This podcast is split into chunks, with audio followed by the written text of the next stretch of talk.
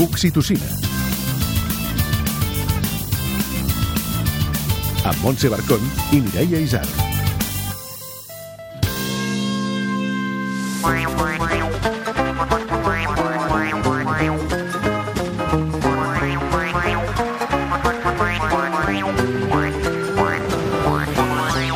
Marcel Lázara i la Júlia Rey són dos músics que van viatjar a Brasil en bicicleta durant dos anys. Ara són aquí, han tingut una criatura i ens presenten la cançó Tot comença aquí. La Júlia respondrà al qüestionari del tu tots tothom. Et fas el predictor i surten les dues ratlletes. Alegria, pànic... Estàs embarassada i ara què? Ens ho respon la llevadora Sílvia Martínez. Com sempre tindrem les nostres seccions, l'humor del Maconi d'en Xavi Cazorla, la Laia Falcón del culturista i el conte d'un minut de la Mont Mas. Tot això i més a l'Oxitocina! Tu, tots, tothom. Hola a tothom, bon dia. Soc la Júlia Rey, mare d'una nena de 8 mesos. El meu company i jo ens dediquem a la música i al poc de tenir-la amb nosaltres va sorgir la cançó Flor de Tardor, que es podria dir que bàsicament parla de l'amor que pots tenir cap a un nounat.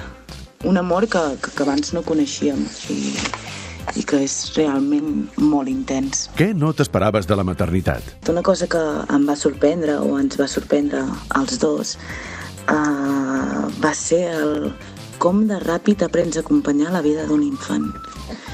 I sobretot el vincle infinit que es crea amb una altra persona amb una altra persona que ha sortit de tu. Aquest vincle és, és increïble. Explica'ns una anècdota.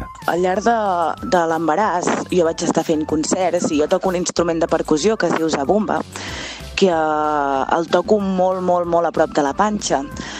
I, i ella durant els concerts es movia moltíssim i jo sempre li comentava a Marcel ostres, no sé si és que li agrada o, o que li molesta Uh, just els dos dies de néixer vam, vam fer la prova, uh, ens vam acostar a la zabumba i la vam tocar i, i ella va fer un gran somriure, així que vam deduir que, que el moviment que feia quan estava dins de la panxa és perquè li agradava molt. Manual d'instruccions.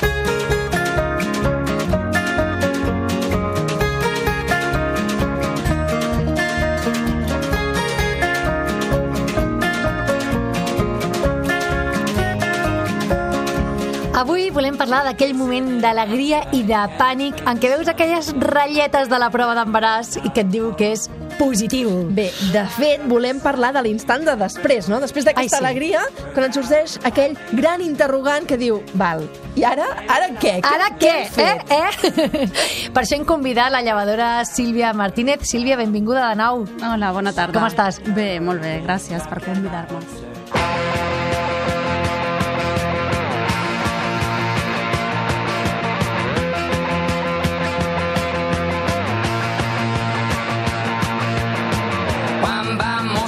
J'ai sur mon lit à bouffer sa langue en buvant grand mon whisky quant à moi, peu dormi, vie débris, mais j'ai dû dormir dans la gouttière où j'ai eu un flash. En quatre couleurs. He posat aquesta cançó perquè em, em, em, no sé, em fa pensar en, aquell, en aquest moment no, com de subidon, de vertigen, de l'aventura màxima. Va, va, va, anem, anem, anem. Perquè si tot va bé, és l'aventura de la teva vida, realment. Però, mm, Sílvia, fem un pas enrere un momentet, perquè primer et volem demanar què podem fer just abans, en el moment abans. O sigui, què- mm, què fem si tenim intenció de quedar-nos embarassades? Sí, nosaltres recomanem que qualsevol dona que ja tingui aquesta intenció no, demani una visita amb, amb la seva llevadora, amb la llevadora de la CIR de referència.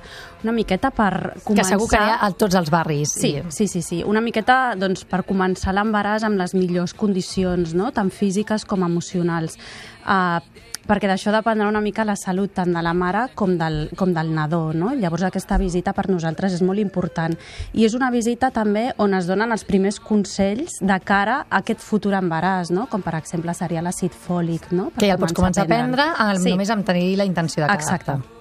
Jo haig de dir que, que, que ho vaig fer i vaig quedar encantada de la vida, perquè sembla, sembla una tonteria, però no, no acabem de conèixer bé el nostre cos. Eh? Vaig estar allà tres quarts d'hora amb un explicar tot també, que vaig dir, Quina vale, sort, vale, eh? vale, vale, vaig, vaig, vaig.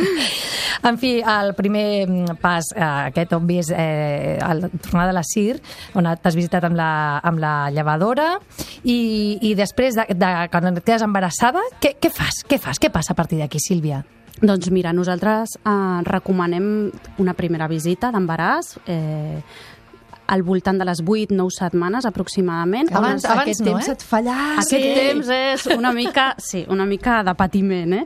Però abans tampoc no podríem fer gran cosa, no? Llavors, en aquesta visita el que fem és un, una primera, un primer carnet de l'embarassada, com si diguéssim, recollint doncs, una sèrie de factors eh, com els hàbits eh, personals, eh, els antecedents eh, familiars, i comencem una mica a cribar aquest eh, embaràs no? i a determinar si és un embaràs normal, si és de risc baix, si té qualsevol factor doncs, que pugui fer eh, que, que l'atenció per part de la llevadora o de ginecologia sigui una o sigui una altra. No? Però abans de les 8 setmanes et pot passar que tinguis pèrdues, per exemple. Què, què fas? Has d'anar a urgències Sí. al primer...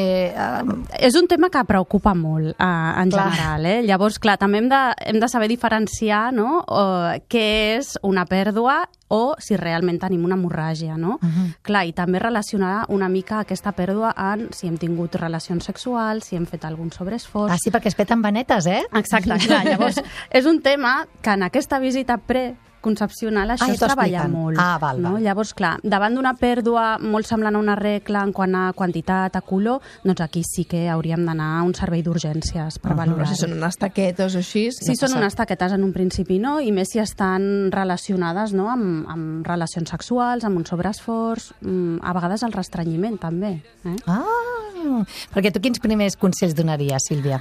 Doncs mira, sobretot eh, fem molta incidència en els hàbits de vida, en uns hàbits de vida saludables, amb una dieta equilibrada i amb uns nutrients adequats, no? perquè moltes vegades eh, pensem que mengem de tot, però no mengem del tot bé.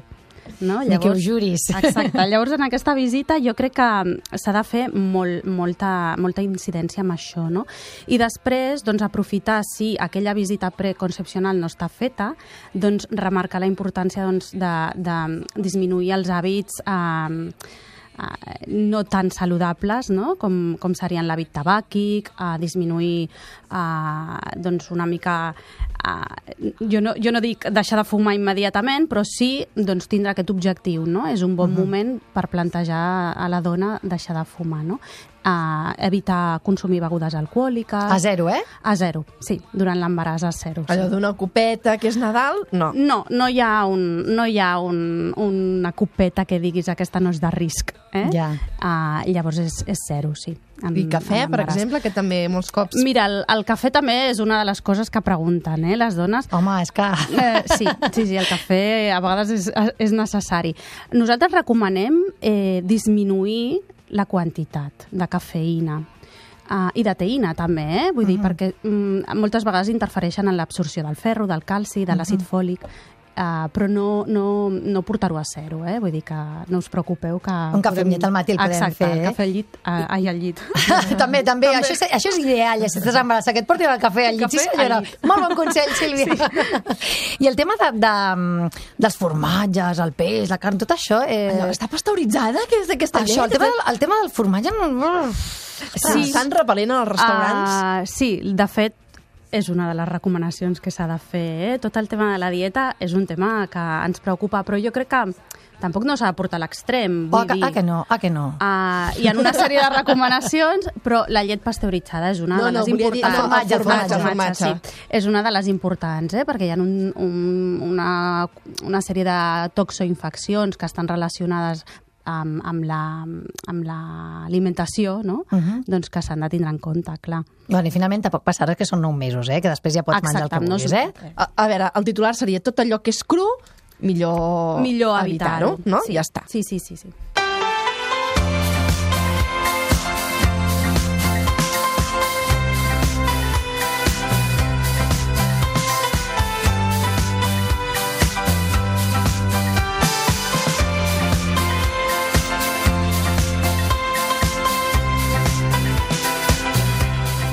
Que, ja, aconsella alguna cosa per, la, per, la, per les dones que es troben molt malament, saps? Que ja tenen nàusees, que es maregen... Primer trimestre horrible. Bueno, i, i algunes que els hi continua tot l'embaràs, també s'ha de dir. Sí, clar. mm, Aquí s'ha de tenir en compte que el desgast energètic durant el primer trimestre, sobretot, és, és molt, no?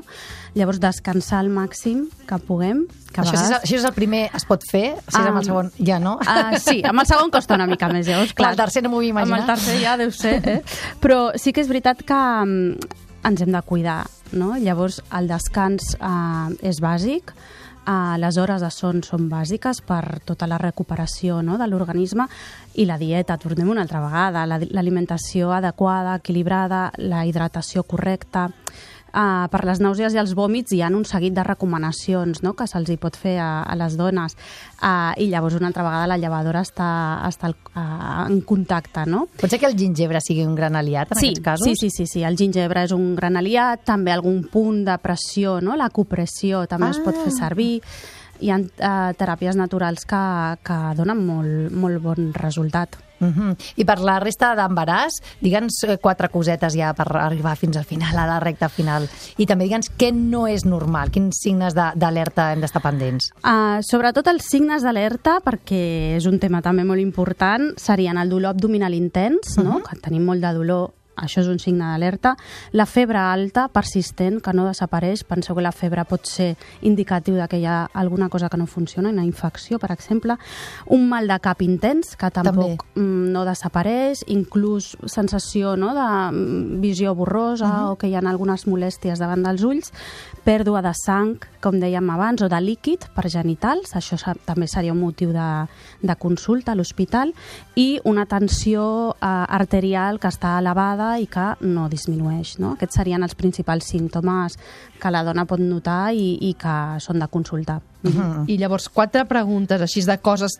Hem parlat de prohibicions alimentàries, però coses que podem fer o no si estem embarassades. Anar amb moto i amb bici, es pot o no es pot? Sí, en principi, a veure, eh, el risc que tenim d'anar amb moto o amb bici és un risc eh, que és inherent a, a tothom. No? Llavors, sí que és veritat que quan hi ha més volum abdominal, quan la dona està en una època doncs, que tenim més panxeta, doncs hi ha un risc de caigudes, no? Amb la qual doncs... Mm, Perquè camines com un pingüinet. Qui et diu que Exacte. no condueixes com un pingüinet?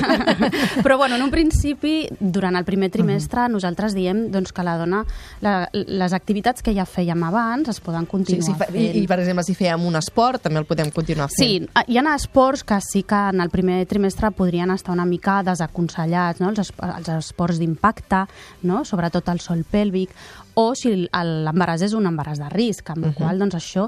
Però en un principi, si la dona ja està habituada a fer un tipus de- de- d'esport, doncs en un principi el pot eh, continuar mantenint, tot i que també jo crec que de- hem d'habituar-nos a escoltar el cos, no? I moltes vegades durant l'embaràs dius, ostres, jo és que era capaç de fer una caminata i ara no puc, doncs perquè el meu cos m'està enviant un senyal d'alarma, no? d'alerta de baixar el ritme. Doncs és una mica escoltar-nos no? i escoltar el cos. Uh -huh. I per la resta, ja ho has dit, descans i, i bons aliments. No? Exacte. Molt bé, Sílvia, moltes gràcies. Hauràs de tornar un altre dia que haurem de parlar del part, eh? Ah, perfecte. Gràcies. Vinga, gràcies.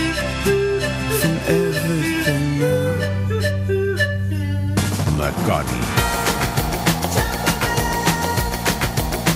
Sí, es confirma. Has tingut el valor de tenir sexe amb la teva parella i de forma intencionada o no, doncs eh, s'ha produït el que seria la fecundació, el miracle de la vida. I us heu gastat els 15 euros que val un predictor, els millors o pitjors 15 euros de la vostra vida.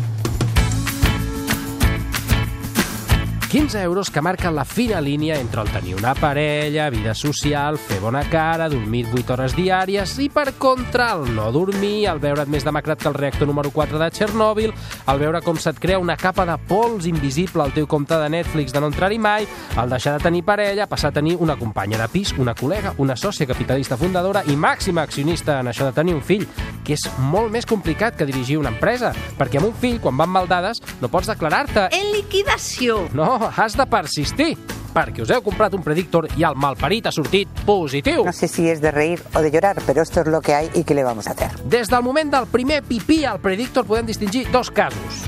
El primer, quan l'embaràs és buscat. Alegria, abraçades, plors, salts, vots, emborratxar-se, perquè encara no saps que no pots, eufòria, una foto al predictor que no ensenyaràs a ningú per precaució i per una mica de pudor, i a partir d'aquí la teva vida ja ha canviat i penses contínuament, massa. Comences a informar-te, a fer l'espai a casa, fas fora el gos de la que serà l'habitació de la criatura, parles amb els amics que ja són pares i no et creus cap de les misèries que t'expliquen, Descobreixes amb passió això d'anar a visitar la ginecòloga, aquella visita a la que hi aneu els dos amb il·lusió, agafats de la mà, somrient sempre, us expliquen coses, comences a traficar amb àcid fòlic, ho fas amb alegria, i es produeix aquell moment màgic en què t'ensenyen un puntet blanc enmig d'una pantalla que tu no el distingeixes gens, però te'l presenten com el teu fill, i només per això ja t'enamores d'aquell punt, perquè, perquè té els teus ulls. Sí, una mica, sí. Descobreixes paraules que sonen de meravella i no tens ni punyetera idea de què volen dir. Paraules com maxicosi, maxicosi. Moisès, Moisès. colecho, colecho. macònic, calostre, calostre. Paraules que et sonen, doncs, no sé, a gelats. Oh, que bons que són els gelats. I aprens a comptar en setmanes. Quina cosa més útil, sí! Et baixes apps per embarassats i la mires cada 10 minuts a veure si el nostre estimat fill ja ha passat de pèsol a oliva. Et falten hores al final del dia per poder planificar-ho tot. És magnífic! Però què és el que passa quan l'embaràs no estava previst o potser no era del tot desitjat? Tot canvia lleugerament. Des de la primera goteta del pipí, la primera reacció és... Què? Embarassada? Però, però, però per què? Què has fet? Estàs segura? Aquestes serien les tres preguntes més estúpides de la història de la humanitat que, curiosament, van seguides l'una de l'altra plors, drames, ràbia, malediccions, ansietat. I a partir d'aquí la teva vida ja ha canviat. No et pots treure això del cap i penses tot el dia. No hi trobes espai a casa per aquest nen ocupa que vindrà, perquè l'habitació del gos, home, és sagrada. Parles amb els teus amics que ja són pares i no et creus les meravelles que t'expliquen de la paternitat. És impossible. I ara més hem d'anar a veure una mena de persona que va d'experta que diu que no sé què, ui, soc ginecòloga. I a sobre heu d'anar-hi els dos? Però per què? Es t'atabalen amb dades i pastilles i no sé què, i quan els dius que t'ensenyin el gremlin, t'ensenyen una merda de punt blanc que tu només fas que veure un negre i que no és que no el distingeixis, és que quan t'ho diuen grates una mica amb la ungla sobre de la eco per aviam si és una taca de la impressió que té el tòner gastat o què és allò que t'estan ensenyant. I ara tothom al teu voltant et parla en una llengua morta, que maxicosi, moisès, colecho, maconi, calostre... Què és això, si són paraules que et sonen a contrasenya del wifi? I tothom del teu voltant fa servir unitats de mesura rares. Compten en setmanes? Setmanes? Però, però, però l'embaràs no eren 9 mesos? Què vol dir que la meva dona està de 13 setmanes i mitja? Hi ha algun conversor de, de, de mesos a setmanes? I a sobre t'obliguen a baixar-te una app que consultes cada 10 minuts a veure si de pèsol la cosa aquesta que teniu ja hem passat a no, no és pèsol, és broma, torna a la teva vida de parella, home, tranquil. En fi, sigueu del tipus de gent que sigueu, enhorabona. I no patiu, home, que hi ha una cosa que ens agermana. Sigueu del tipus de gent que sigueu, en algun moment més d'hora que tard, tots acabarem odiant aquesta cançó. Baby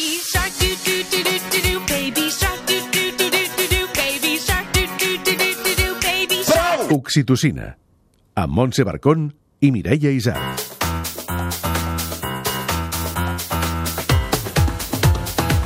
El culturista. Ja tenim aquí la Laia Falcón i em sembla que avui va de música, sí? De folk. Oh, Concretament. folk. Aviam, aviam, escoltem.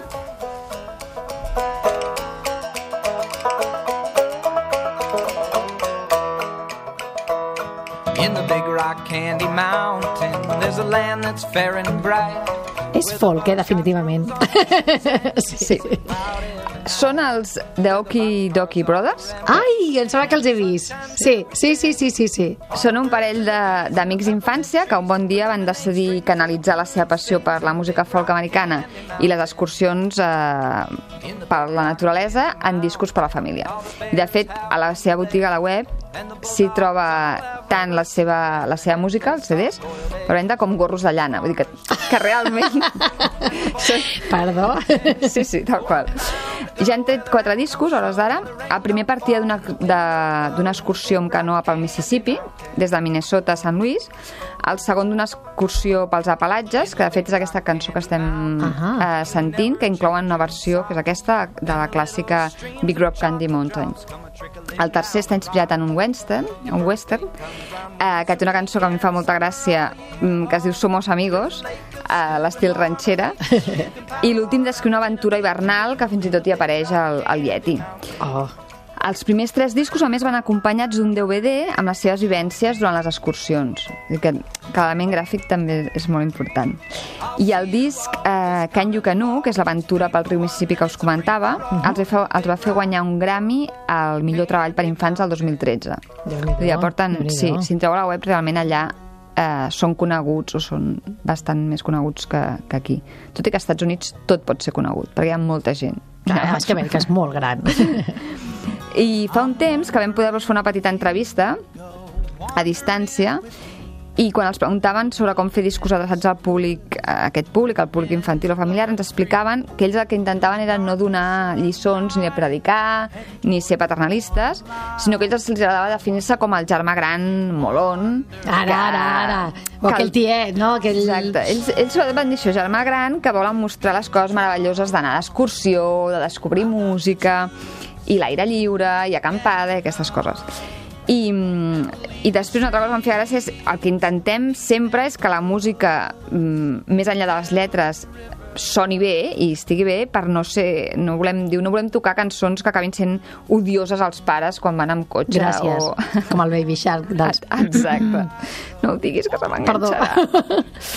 En definitiva, que són discos que motiven a sortir en família, a explorar la naturalesa i viure noves experiències. Això, menys pantalla i més muntanya, eh? Ha de ser un lema.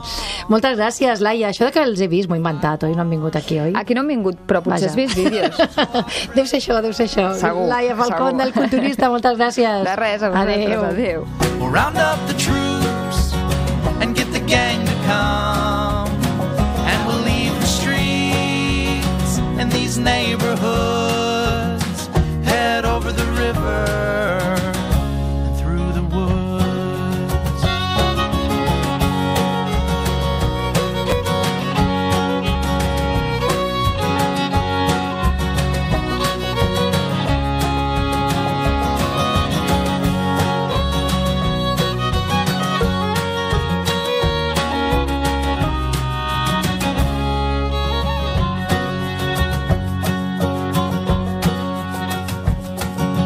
wondering if you'd come wandering my way. If you ever get lost, or if the trail leads you astray, the music of the pack can always bring you back. I wonder, can we wander away? And I'll spread the word, and you beat the drum. Round up the gang to come. And we'll leave the streets and these neighborhoods, head over the river and through the woods.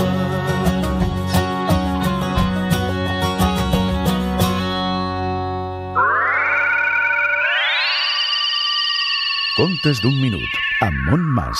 Fa molt i molt de temps, quan la Mare Terra assajava la creació, els homes i les dones tenien flors al cap. I tot i que quedaven molt boniques, sobretot en primavera, quan tothom passejava semblaven una gran estora multicolor. Les abelles començaven a bronzir al damunt del seu cap, com si fossin barrets. Diuen que aquestes abelles, algunes, van començar a picar la testa dels homes i les dones. I això, això era una autèntica nosa, una murga. Així doncs, van anar a demanar audiència a la Mare Terra. La Mare Terra es va escoltar i els va dir «Sí, teniu raó, no era bona idea». I va arrencar les flors del cap i les va llançar amb tota la força cap a dalt de tot del cel. I allà es van quedar. I allà van començar a brillar. I ara tothom les coneix com estels. Les tiges d'aquelles flors, d'aquells primers homes, es van convertir en cabells. Diuen, diuen i conten que les persones calves de tant en tant miren al cel.